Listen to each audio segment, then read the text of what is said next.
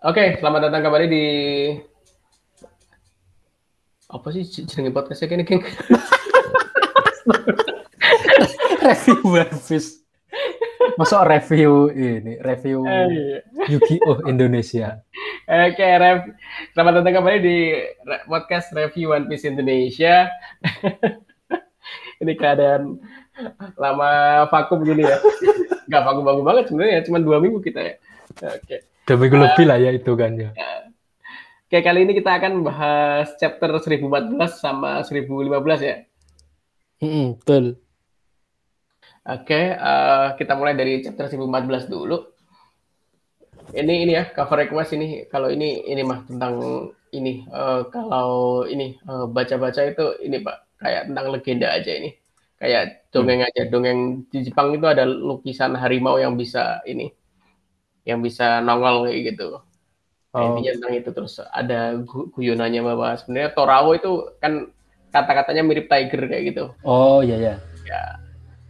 Nah, itu. Oke, langsung ya cover request ini. Oke, dan selanjutnya ini apa itu? Eh kita kan kemarin di sebelumnya kan lihat kan bahwa Luffy jatuh ya.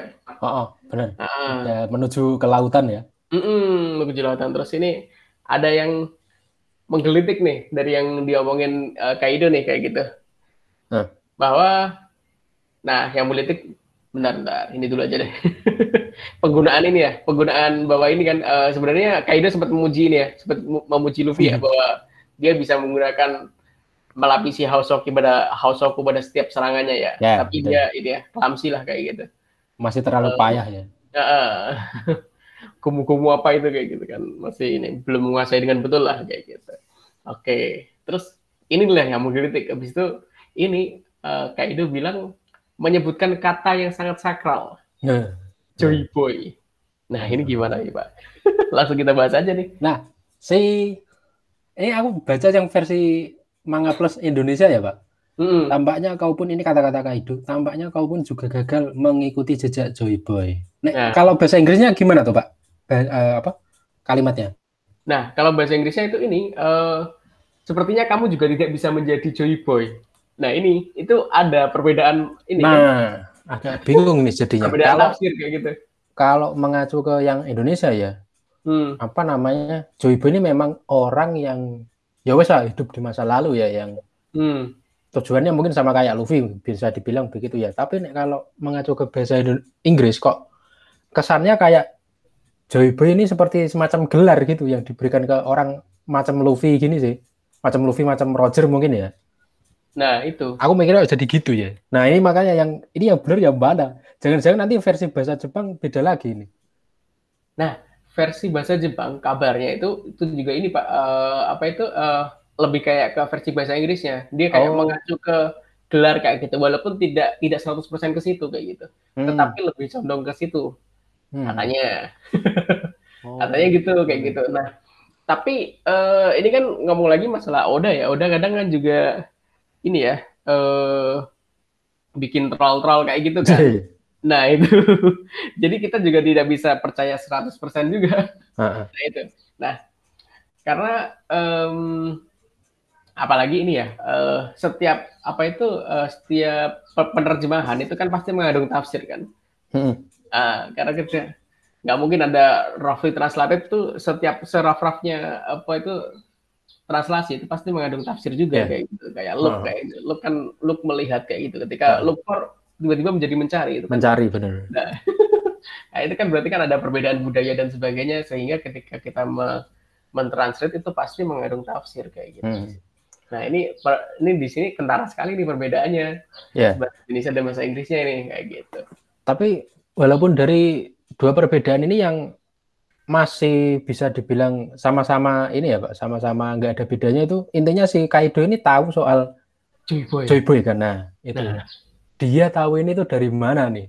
Eh, pertanyaannya nih. Apakah memang kalau udah kalangan ini ya, kalangan Yonko yang punya poneglyph itu informasi seperti ini lebih mudah didapat atau gimana gitu kurang tahu sih.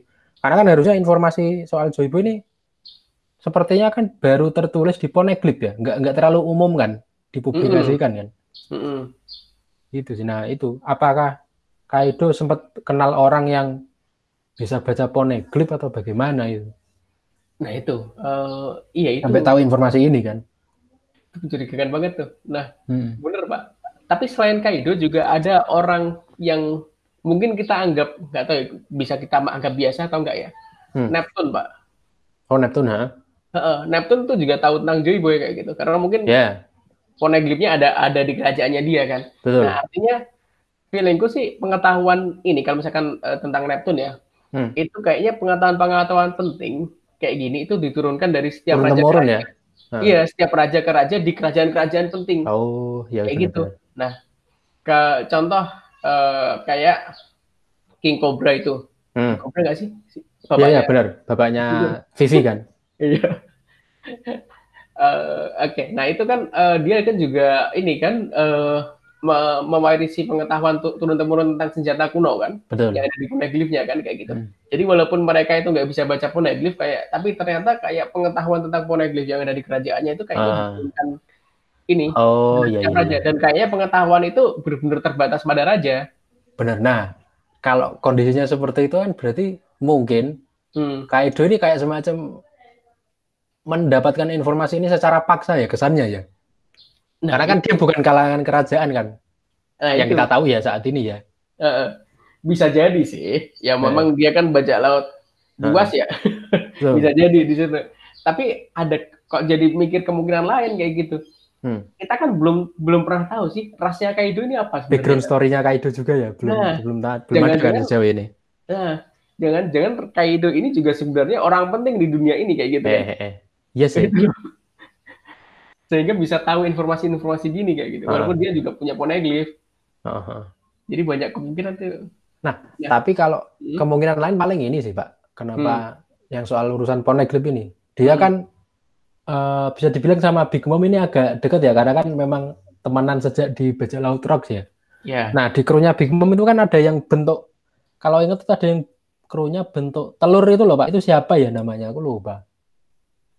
Oh ini si te, te, yang ini yang berantem sama Tamago Baron Tamago kayaknya. Ya benar. Nah itu itu kan kayaknya dia juga ini toh bisa tahu informasi yang ada di dalam Poneglyph sih. Enggak eh enggak enggak mungkin enggak spesifik baca ya tapi kayaknya waktu arc-nya Big Mom waktu itu si mm -hmm. Tamago ini sempat nyebutin jumlah-jumlah Poneglyph itu artinya kan dia memang uh, hmm. salah satu krunya Big Mom yang tahu informasi lebih banyak soal ini kan. Nah, paling paling dari situ ya kemungkinan ya soal informasi Joybe yang didapatkan Kaido ini loh. Oke, berarti apa apa kemungkinan ini ya Pak? Kalau kita melihat Nekomamushi dan ini kan juga tahu juga kan hmm. si Inuarashi, aku juga juga keingat itu waktu mereka jelasin tentang Rod, Rod Poneglyph itu, oh, itu gitu. Jadi apa apakah ketika kita di dunia baru kemudian uh, pengetahuan ini apakah ternyata umum itu bagi Yongko kayak gitu. Nah, nah kita bisa, bisa jadi. Nah, Inu Arasi dan Nekomamushi kita bisa menganggap sebenarnya ini kan uh, pernah ikut di kapal Roger, hmm. pernah ikut di kapalnya Shirohige kayak gitu kan. Dan mereka kan juga dari Zo kan. Uh, yang memang ada poneglyphnya itu loh. Uh, Harusnya ada pengetahuan turun temurun juga di dalamnya. Uh, dan mungkin dia juga pernah diceritain Oden kayak gitu. Artinya nah, kan Oden, ya. Roger dan Shirohige ini kan juga bisa lah walaupun Hehe. nanti mungkin uh, kita ngomongin Oden bakal jadi perdebatan ya kayak gitu. Uh, kelas Yongko lah kayak gitulah ya. Yang jelas Roger sama Shirogi kan di atas Yongko kan itu ya.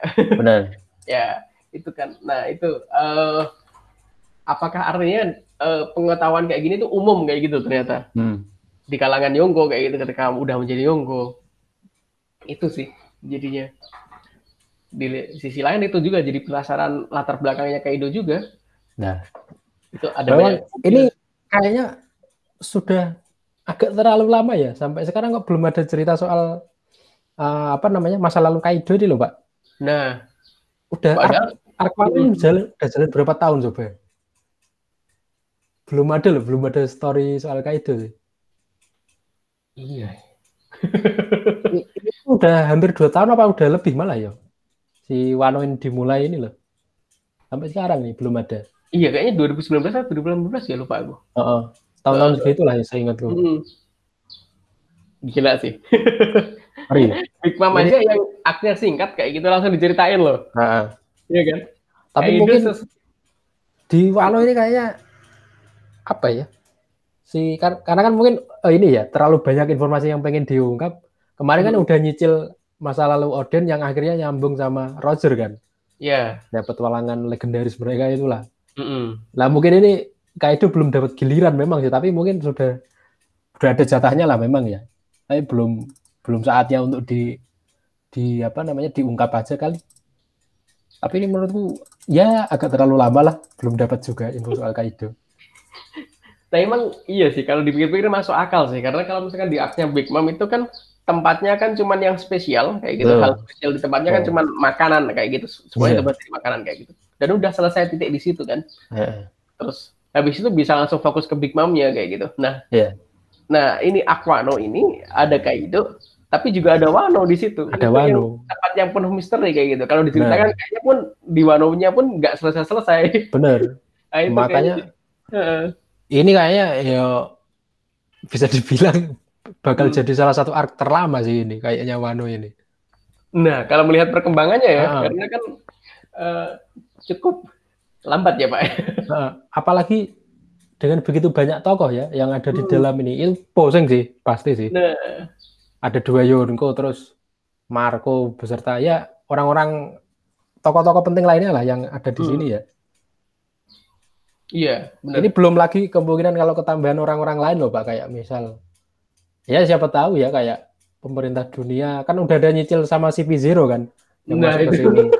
Makin runyam kan. Ya nggak menutup kemungkinan kan kalau tahu-tahu mereka eh, ngajak sekutu lagi gitu loh. Nah, makin pusing lagi kan ya. Heeh. Jadi, Bagi-bagi slot ceritanya ini loh. eh, Bingung sih pasti. nah itu. Nah makanya tadi eh, aku bilang lambat itu sebenarnya bukan lambat dalam hal buruk ya, tapi Hmm. maksudnya dalam artian buruk, tapi emang ya keadaan memang mengharuskan begitu karena terlalu banyak informasi yang harus diolah dan disusun sehingga ini bisa menjadi gonggong kayak gitu setiap informasinya. cerita kan. yang- Karena ini semua Heeh. Heeh. karena semua yang semua yang di Wano dan terkait Kaido ini penting banget kayaknya gitu kan. Heeh. Nah, jadi kayak untuk merangkainya alurnya supaya menjadi setiap spill itu menjadi gong kayak gitu biar tidak terasa hambar itu kan pasti kan butuh waktu juga kayak gitu Betul. kan. Nah, itu. nah, oke kembali lagi ke Joy Boy, Pak. Nah, Kita kan sebenarnya kita kan sebenarnya pertama ini kan kata yang sakral ya. Kita eh, Hmm. pertama kali dengar ini kan waktu di Mermaid Island ya. Mermaid Island itu Fishman iya, Island. Kita Fishman berdasarkan Sanji aja lah Mermaid Island ya. Heeh. Oke. Eh, dan di situ juga King Neptune pun menceritakan bahwa uh, JP itu merupakan orang yang hidup di abad kekosongan kayak gitu waktu ngobrol Hmm. sama Robin kan.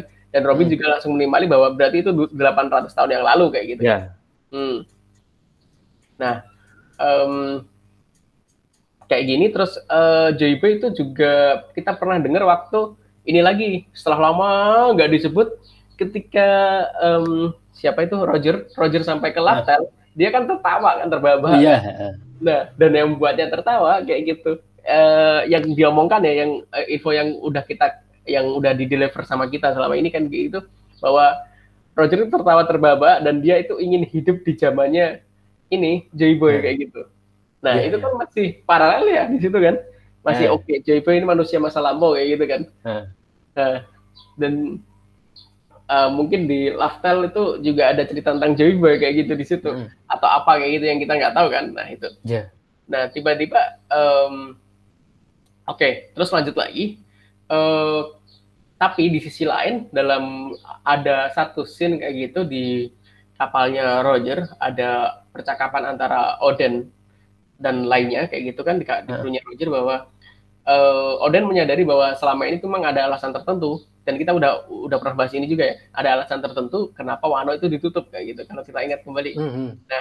Nah, kemudian sekaranglah saatnya kita membuka sebelum Nah, eh, sebelum Joy Boy itu datang kayak gitu. Nah ini, iya. nah itu, Nah, aku jadi pikir gini, Pak. hmm, Kan dua informasi sebelumnya soal Joy Boy itu yang di Mermaid Island sama mm-mm. eh, apa flashbacknya Roger, ya, bilang, Roger Oden itu eh, apa namanya? Itu kan kayak semacam menyebutkan bahwa eh, si Joy Boy ini memang hidup di masa lalu berdasarkan informasi dari Neptune sama eh, apa? Mungkin tulisan di Poneglyph ya yang dibaca Hmm. Roger. mm-mm. Tapi gara-gara tulisan poneglyph yang dibaca Roger di Lifestyle itu juga aku jadi mikir apalagi ditambah ini ya omongannya Kaido barusan ini yang masih multi tafsir ini. Jangan-jangan ini belum tentu Joy Boy-nya itu yang di masa lalu yang dimaksud Roger. Nah jangan-jangan loh. Iya ya bisa jadi.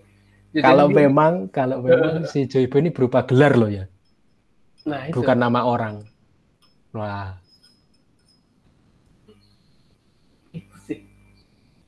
Tapi ketika gelar sesakral itu kok sepertinya jarang disebut itu. Eh. Itu juga jadi pusing juga kayak gitu, semacam eh. gelar kayak gitu. Misalkan semua orang ingin jadi presiden, kan presiden gelar yang prestisius ya. ya. Eh. Semua orang tahu kayak gitu. Rakyat hmm. paling kecil pun tahu kayak gitu. Eh. Kalau Joype ini kok jadi uh, sesuatu yang eksklusif gitu ya? Uh, eksklusif kayak gitu, buat eh. sesakral itu. Atau mungkin karena emang ini ya, eksklusif karena memang pengetahuan itu ini ya dihapus sama pemerintah dunia ya. Mungkin kan niatnya memang disembunyikan agar orang-orang yang punya niat buruk nggak nggak sampai tahu gitu ya. Mungkin hmm, sih ya. Ya itu ini ya uh, positif thinkingnya tentang niat pemerintah dunia ya. Uh, uh, itu narasi mereka ya. Uh, uh. uh. Tapi bisa jadi benar juga kayak gitu ternyata. Yeah. Iya, jadi benar juga. Kita masih belum tahu loh apakah pemerintah dunia sebenarnya seburuk itu kayak gitu. Hmm. itu uh, mengidentikan kenapa Graf tidak uh, Graf itu tidak mengambil action ya. Bahwa kita kan tahu Graf itu tahu banyak banget kayaknya kan. Iya. Yeah. Pengetahuannya pasti banyak banget lah itu selevel Yogo selevel admiral mungkin kan dia kan. Nah, aku sing soal Garp ini mungkin ini sih Pak apa?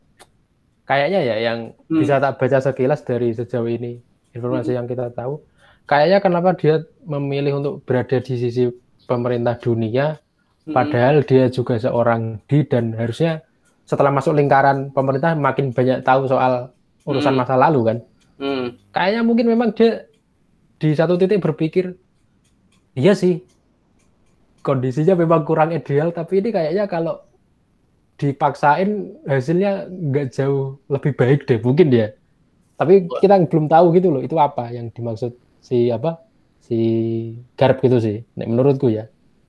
Bisa nah, jadi jangan-jangan uh, apa ya pemikirannya Garb memang kayaknya yang sudah ada sekarang ini udah terbaik yang bisa kita lakukan gitu loh untuk dunia ini. Oh iya iya iya, iya. makanya ya wes lah aku nggak apa-apa pahit-pahitan jadi anteknya pemerintah dunia. Mm -hmm Kecuali nanti memang sampai ada orang yang bisa benar-benar ngubah semuanya ya. Mm -mm. Makanya kan omongannya Rayleigh waktu itu juga gitu tuh. Hmm. Mungkin kita ter mengambil kesimpulan terlalu cepat atau gimana kan sama yeah. orang O'Hara itu loh. Uh. Jadi silakan uh. lakukan perjalananmu sendiri kan. Dia bilang gitu uh. ke Luffy dan teman-temannya dan ambil kesimpulanmu sendiri gitu loh. Nah itu oh iya benar benar benar benar. Oh iya Relic juga ngomong gitu uh. ya bahwa uh, dia bilang bahwa krunya Roger ini dan O'Hara ini kayak terlalu cepat kayak gitu belum nah. waktunya sebenarnya kayak gitu ya. Yeah. jadi pusing. ah, jadi ini cuma satu halaman pembahasannya jadi panjang ya. Nah itu. Urusan Joyboy ini memang panjang selalu. Nah itu kan. Jadi iya benar-benar bisa jadi Roger itu tertawa memang uh, bisa jadi Roger tertawa karena juga ingin hidup lebih lama juga bisa jadi ya. Nah, udah nggak ada kemungkinan untuk hidup bersama Joey Boy yang baru ini di masa depan kayak gitu kan. Benar. Nah. Gila. Dan ada yang menarik lagi uh, di translatean Inggrisnya itu bilang kan bahwa kamu juga gagal untuk menjadi Joey Boy. Kata-kata juga, kata juga ini Pak, yang hmm. jadi misteri juga kayak gitu uh, kata juga berarti kan ada orang lain juga yang menurut kayak itu menjadi kan ya. layak dianggap layak sama dia tapi ah. kemudian dinilai nggak nggak layak dinilai gagal sama kayak itu nah. kayak gitu kan sopo itu lah lah itu itu ah, sih. lah masih posing memang ini sih uh, Joypo ini uh, misteri banget sih karena hmm. ibunya Shirahoshi pun juga tak sepertinya juga tahu tentang JB kayak gitu kan. Hmm. Ketika dia bilang bahwa nanti bakal ada orang yang bisa membimbing uh, Shirahoshi untuk menggunakan kekuatannya dengan benar kayak gitu. Nah itu kan mm-hmm. sebenarnya mengacu ke orang lain lagi kan dan itu kayaknya mengacu ke mengacu ke apakah obrolan ini obrolan para para monster laut yang huh. tidak sengaja didengar oleh Roger sama Oden hmm. Hmm. bahwa akan akan lahir apa itu tuan kita dan akan ada lahir uh, di tempat jauh satu orang yang akan membimbing Tuhan kita gitu kan. Yeah. Yang dimaksud kita kan selama ini tafsirnya yang Tuhan kita pasti Shirahoshi ya. Terus yeah. yang membimbing itu yang tafsir kita kan Luffy, ya? Luffy. ya. Nah itu. Nah tapi nantinya ini akan menjadi seru lagi ketika kita ini ya di panel selanjutnya ya bahwa hmm. Momo bilang sepertinya memang aku tidak boleh mati. Nah, jadi nambah satu karakter lagi yang sangat penting gitu. Nah. Tapi kan ini memang ini sih Pak, karakter Momo ini sudah sejak lama memang apa ya kayak mencurigakan lah dari sisi karakterisasinya karena hmm gimana ya untuk sosok penggambaran seorang anak kecil ini diberikan beban sebesar itu itu apa ya maksudnya Oda ya? Aku masih bertanya-tanya sih. Dengan menjadi anaknya Oden yang apa ya? ya mesti ca apa di masa lalu merupakan penguasa Wano terus harus menghadapi begitu banyak hal buruk di depan matanya sendiri kan ya. Ya begitulah aku masih bingung sih perannya ini nanti Momonosuke apa ya? Selain yang sudah ketahuan kan bisa mendengarkan oh, obrolan hewan-hewan apa namanya hewan-hewan gede kayak zoo itu dan bisa ngajak komunikasi sama zoo. Apalagi nah, gitu sih yang akan disiapkan Oda buat Momo ini. Nah, itu sih bener itu. Kalau uh, ini jadi seakan-akan terkesan kita kan tadi ngomongin Joibo ya, nah. kita ngomongin Luffy kayak gitu, dengan segalanya kayak gitu, sahabat kekosongan. Terus hmm kita tahu terus uh, sejak uh, Aquano ini kita tahu bahwa Kozuki ini perannya penting banget kayak gitu kan. Betul. Bahkan yang bikin Poneglyph ini juga klan Kozuki kayak gitu. Hmm. Dan pengetahuannya hanya diturunkan uh, eksklusif raja ke raja kan. Yeah. Raja ke raja berikutnya kayak gitu. Cuman putus di Momonosuke. Nah, hmm. ketika uh, kita mau mau ketika baca jurnalnya Oden ini kemudian dia bilang bahwa aku memang tidak boleh mati kayak gitu. Hmm kita juga pernah dengar ini di chapter sebelumnya, jam 900-an itu bahwa Yamato juga pernah bilang gini kayak gitu bahwa Momo itu harus survive. Oh iya, iya. karena dia kan sempat mungkin sempat baca ya. Iya. Nah, nah Yamato, Yamato udah ya kalau menurutku pasti udah baca semua sih dia nah. sih. Makanya dia bisa ini kan, bisa suka banget sama Oden kan. Nah, itu kayaknya karena dia baca ini kan dia kan menemukan waktu menggerebek gitu kan kastilnya Oden itu kan. Betul. Ya itu uh, artinya kan uh, ini menjadi kayak ada Joyboy, ada raja, ada senjata kuno. Hmm. Nah, aku mikirnya kayak mungkin ini ya, Pak. Ini mungkin uh, terlalu liar dan terlalu dini untuk ngomongin. Tapi kayak ada kemungkinan bahwa ini tuh terkait erat kayak gitu. Terkait eratnya kemungkinan pertama, apakah nantinya Luffy tidak bisa tidak bisa menjadi Joy Boy sendirian, harus dibantu sama Momo karena konsepnya mungkin saling membantu atau mungkin pada ke depannya ternyata mengacu nanti sama di abad yang lalu bahwa ternyata apakah dari kerajaan kuno ini sebenarnya rajanya itu dari klan Kosugi. Oh. Terus kemudian Joybo itu kayak kita sering lah denger cerita kayak Arkiles kayak gitu pak. Arkiles yeah, yeah. dia bukan raja tapi dia terkenal kan. Uh -huh. Dan dia ingin lebih terkenal daripada raja kan. Nah aku jadi oh kayak Arkilas ini ini apa itu uh, Joy Boy ya kayak gitu. Iya, dia iya, iya. tapi orang yang sangat penting di pada masa itu kayak gitu. Jadinya malah kayak ini sih Pak. Formasinya bener ini sih. Kayaknya formasinya mungkin sudah turun temurun ya. Ini kan kalau yang sekarang berarti generasinya Luffy mm. kebetulan dia tandemnya sama Momo ya. Mm. Di generasi sebelumnya kan berarti Roger sama Oden. Nah, mungkin di generasi sebelumnya-sebelumnya lagi adalah ya yang kayak mm. Jadi kayak semacam ini ya, yang apa bisa dibilang kayak semacam raja itu perlu tangan kanan yang memang handal bisa melakukan segala hal gitu loh. Nah, kayak gitu ya. Mm -hmm. Walaupun kamu seorang raja tetap butuh partner kayak gitu kan. Ya. Yeah. Benar. Itu sih. Karena kita kenapa Momo itu raja ya, Kak? Aku mikirnya ini sih. yang bi- kan kayak Zurisa itu kan he- hewan sakral ya, hewan pada masa lampau sekali kayak gitu. Yang bisa memerintah hewan kayak gitu sampai segitunya itu kan saking tunduknya pada raja itu seharusnya. Betul betul betul. Nah, itu. Masuk akal.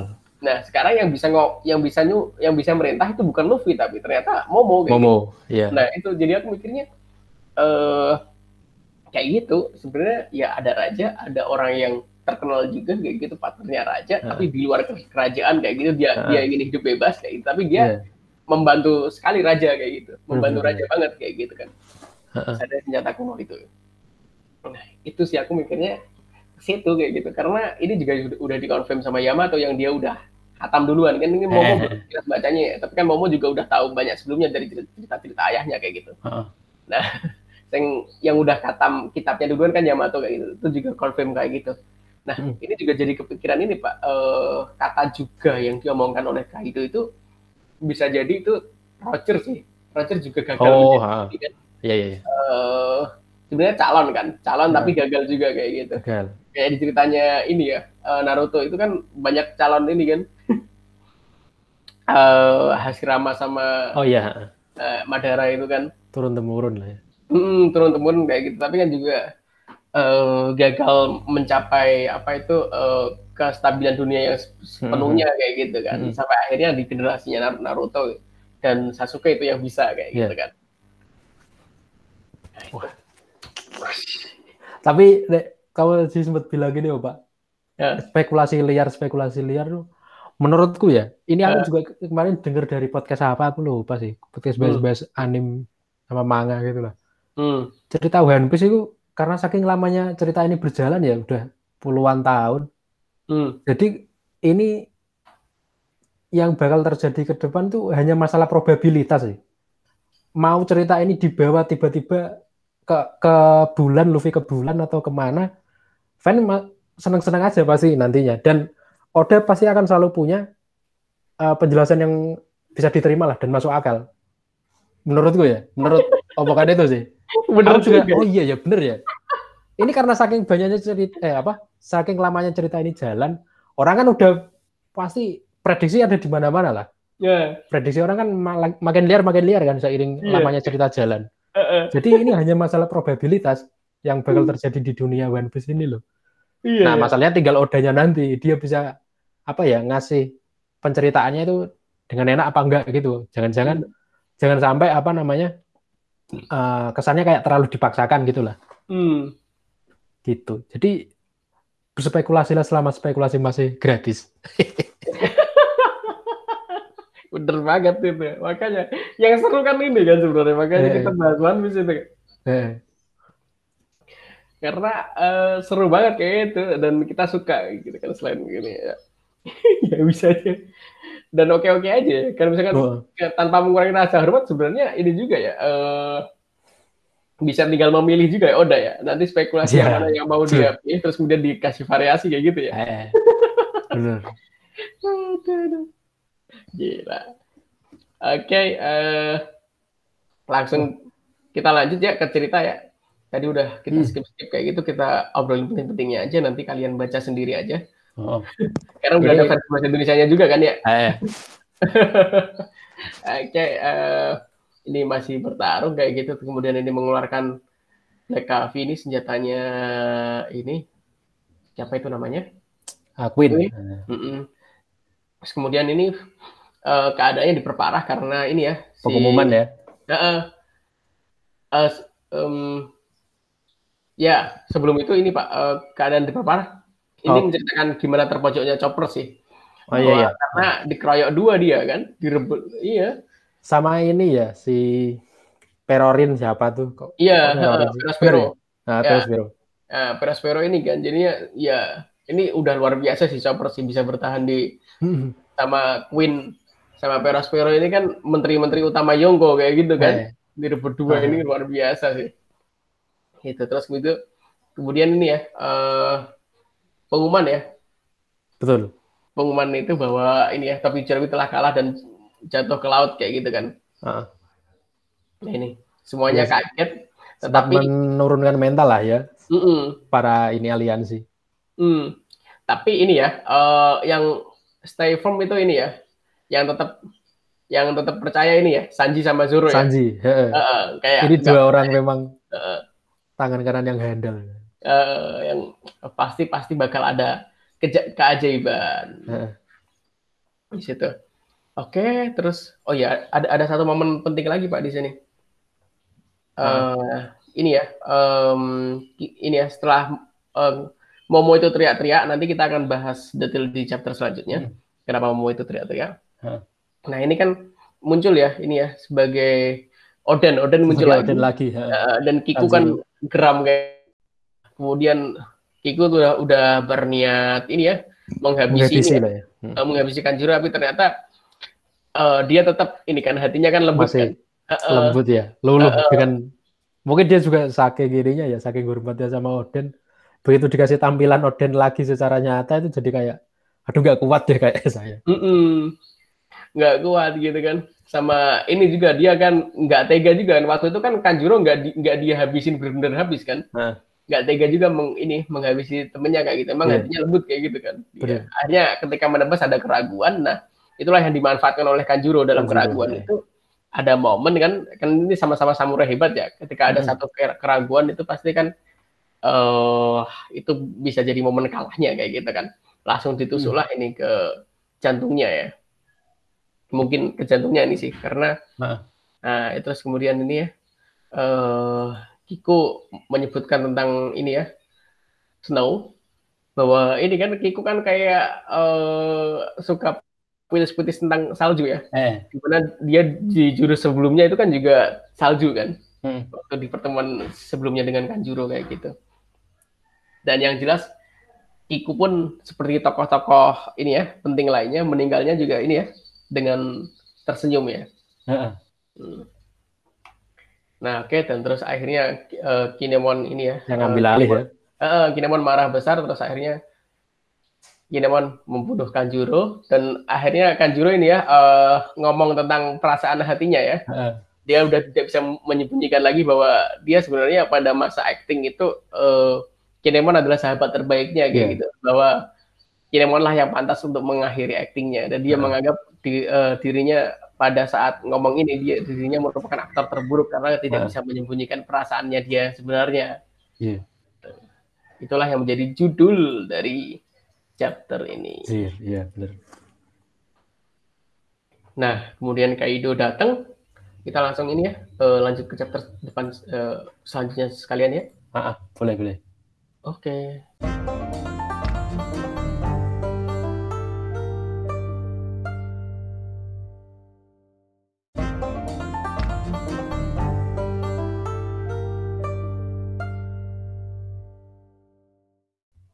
Oke, uh, sip kita lanjutkan ke chapter 1015 ya dengan chapter berjudul Ikatan Darah. Ini nanti uh, chapter akan membahas tentunya hubungan si Kaido dengan anaknya itu sendiri ya Yamato.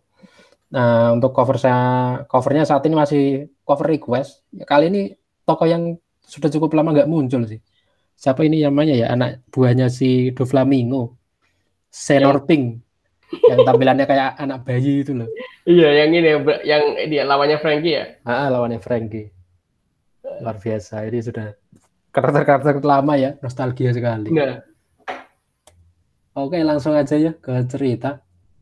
Hmm, kerusuhan ini masih terjadi sih di apa setelah terjadinya pengumuman itu dan makin diperparah dengan kombinasi ini ya kombinasinya Queen sama uh, Perospero tapi yang untungnya ini Sanji segera datang ke arena pertempuran dan apa membangkitkan kembali lah membangkitkan kembali semangat uh, para aliansi yang sempat drop karena pengumuman uh, tumbangnya Luffy yang dan sudah menuju ke lautan itu. Hmm. Saji ini akhirnya bertindak untuk uh, apa menghajar Queen ya dan menghilang apa menangkis semua panah yang dilempar oleh Perospero. Ini keren sih dia. Uh, dan dia menghajar Queen sekaligus menangkis iya, semua panah menggunakan kepalanya Queen kan. Perospero juga. Uh. menggunakan kepala Queen untuk menyapu panah-panahnya kan. Luar biasa. Dan sambil bawa Zoro loh Pak, jangan lupa sambil bawa Zoro yang berbentuk berbentuk salib ini. Oh iya. Luar biasa. Luar biasa. Oki satu ini. Itu penghinaan banget bagi Queen loh. Kepala ada dikoplokin kayak gitu untuk menyapu panah. Padahal ini juga apa itu nyambi kayak gitu kan? Iya betul. kayak gitu. Tapi memang biasanya koki kan begitu ya harus bisa multitasking. Oh iya. Masa bener, di dapur bener. kan memang harus bisa pegang macam-macam kan. Oh iya bener bener masuk Kayak ke bawah dari situ ya kayaknya. nah tapi ada momen keren ini ya lagi-lagi momen kulnya Sanji di sini bahwa hmm. Chopper kan sempat putus asa kan ini gimana Luffy ya? Sudahlah jangan jangan menangis. Kita kan sudah menyaksikan berkali-kali mujizat terjadi kan di kru ya, ini. lah ya. Nah, ja, kayaknya mungkin mujizat yang dimaksud Sanji ini salah satunya bisa dibilang waktu di itu pulau apa ya yang Luffy hampir ketangkap sama smoker sama ini loh Pak. Sama Bagi yang Luffy mau dieksekusi itu. Yang akhirnya ada dragon di pulau apa itu ya? Oh, oh ya. Lockdown, Lockdown. Ya di lockdown itu. Nah. ya benar, nah, benar benar. Itu kan Luffy udah hampir mati kan, udah pamitan lah sama Zoro sama Sanji yang kebetulan ada di area eksekusi. Mm -hmm. Itu area eksekusi yang sama ya, by the way, sama eksekusinya Roger. Mm -hmm. Nah, di situ kan tiba-tiba petir muncul kan, petir muncul menghantam langsung ke area eksekusi. Luffy selamat. Mm. Udah kan, tiba-tiba gitu aja beres urusan. Itu salah satu mujizat yang mungkin pertama kali Sanji lihat lah ya. Iya, sampai itu. akhirnya setelah itu kan banyak pertempuran terjadi. Salah satunya kan kayak di apa? Enis Lobby itulah ya yang masih cukup inilah cukup dramatis sampai sekarang kalau dipikir-pikir ceritanya. Banyak lah sudah terjadi di kru ini yang akhirnya masih membuat Sanji tetap optimis lah sama Luffy bahwa dia akan kembali. Dan ini juga diamini sama ini ya Marco yang bilang kalau inilah yang membuatnya suka sama apa kru topi jerami inilah dengan optimisme mereka ini. Iya, walaupun kaptennya ini ya, uh, kaptennya dikatakan, dikatakan kan, hmm. dikatakan kan, katakan telah tumbang tapi masih apa itu uh, optimis dan semangat kayak gitu kan, oh. dan tidak mempercaya itu, benar-benar percaya kaptennya pasti bisa kayak gitu. Nah itu nah. yang dimaksud Sanji kan itu juga kan, selama ini kan yeah. Luffy kayak selalu aja nemuin cara untuk menang kan. Betul, hmm. luar biasa. Oke. Okay. Oke, kemudian di panel selanjutnya ini ya Pak ya, uh, kita melihat Kinemon yang setelah dihantam kemudian uh, mendelay Kaido ya, mendelay Kaido ah. agar Momo bisa kabur kan. Betul. Pedangnya udah putus dan udah ini ya, sekarat ya Pak ya. Sekarat lah ini. Nah, dan ini, uh, kemudian udah ditunjukkan bahwa Kanjuro dan ini Kiku juga udah meninggal kayak gitu, hmm. udah meninggal di sini kelihatannya, uh, udah diperlihatkan gitu. Kemudian uh, kita dikasih lagi momen-momen sentuhan ya. Uh, sentuhan sedih nih bro kayaknya kalau pas dibikin animanya nanti. Wah itu luar biasa nih kayaknya sih. Mereka kan kita, mencoba menjadi ayah dan anak kan ini. Uh, uh, pertama kalinya kita tahu kan mereka ayah dan anak kan. Uh, Actingnya ini ya. itu luar biasa ini. Terus ini ya masih menahan Kaido kan. Akhirnya uh. terus Kaido mengambil pedang kemudian uh. trep ya kita bisa di sini bisa mengatakan ini ya uh, Kinemon meninggal ya. Iya, untuk, untuk saat ini bisa kita bilang tewas ya. Asal hmm. aku jadi mikir kenapa sekarang kesannya kalau ada penggambaran tokoh yang seperti tewas itu jadi kayak kurang percaya lagi ya, Pak. Setelah kejadian Kanjuro itu loh. Iya. Jadi ini beneran nggak ya? Jangan-jangan nanti bisa hidup lagi deh. Nah. momen apa momen lain gitu loh. Makanya pasti kita bilang kayaknya tewas kayak gitu kan. Iya, oh. Diawali dari momen pel sih, pel yang udah Nah, iya itu juga sih. Pemuda kayak gitu kan, total masih oh. hidup. Ternyata masih hidup. gitu kan. Ya balik lagi ke tadi loh, Pak. Hmm. Cerita baru sini masalah probabilitas saja. Jadi berekspresilah seluas-luasnya ya untuk iya. menanggapi cerita oh. ini ya. Kita tinggal menunggu keputusan mana yang diambil Oda dan apa namanya dengan jalan ceritanya ini. Nah, bagaimana eksekusinya kan? Oh. Nah, tapi, tapi bisa dibilang biasa. ini, uh -uh. kayaknya sih untuk sementara bisa dibilang tewas ya ini. Gini, yeah. Kalau udah dibentuk siluet gini loh.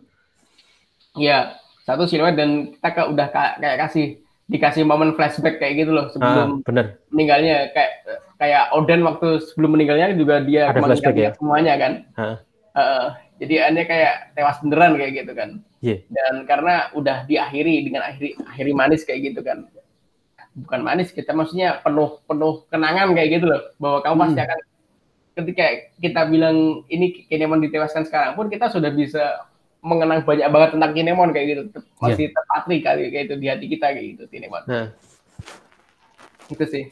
Karena di akhir momennya kita diingatkan kembali kemunculan kayak Kinemon kayak gitu sebagai ayah dan anak kayak gitu Yeah. kan. Detailnya di sini kan tentang ingatannya kenapa mereka bisa ngaku ayah dan anak di momen-momen ini ya eh, harunya gitu. Heeh. Oke. Eh, kemudian ini ya eh, lanjut ini ya eh, si Shinobu bertanya-tanya ya kenapa kenapa mau bawa kata ini ya itu kan mata-mata musuh ya. Oh iya, Ternyata Momo punya ide. Untuk melakukan yang pengumuman balik kan ya. Heeh. Heeh. Nah, terus kemudian eh, Momo mengingat ketika dia teriak-teriak, dia mendengar kata ini, Momo, tolong sampaikan pada semuanya. Nah, kita Nah. ini langsung kita langsung ini ya, kita langsung mengacu ke satu orang kan ketika baca panah ini kan. Heeh.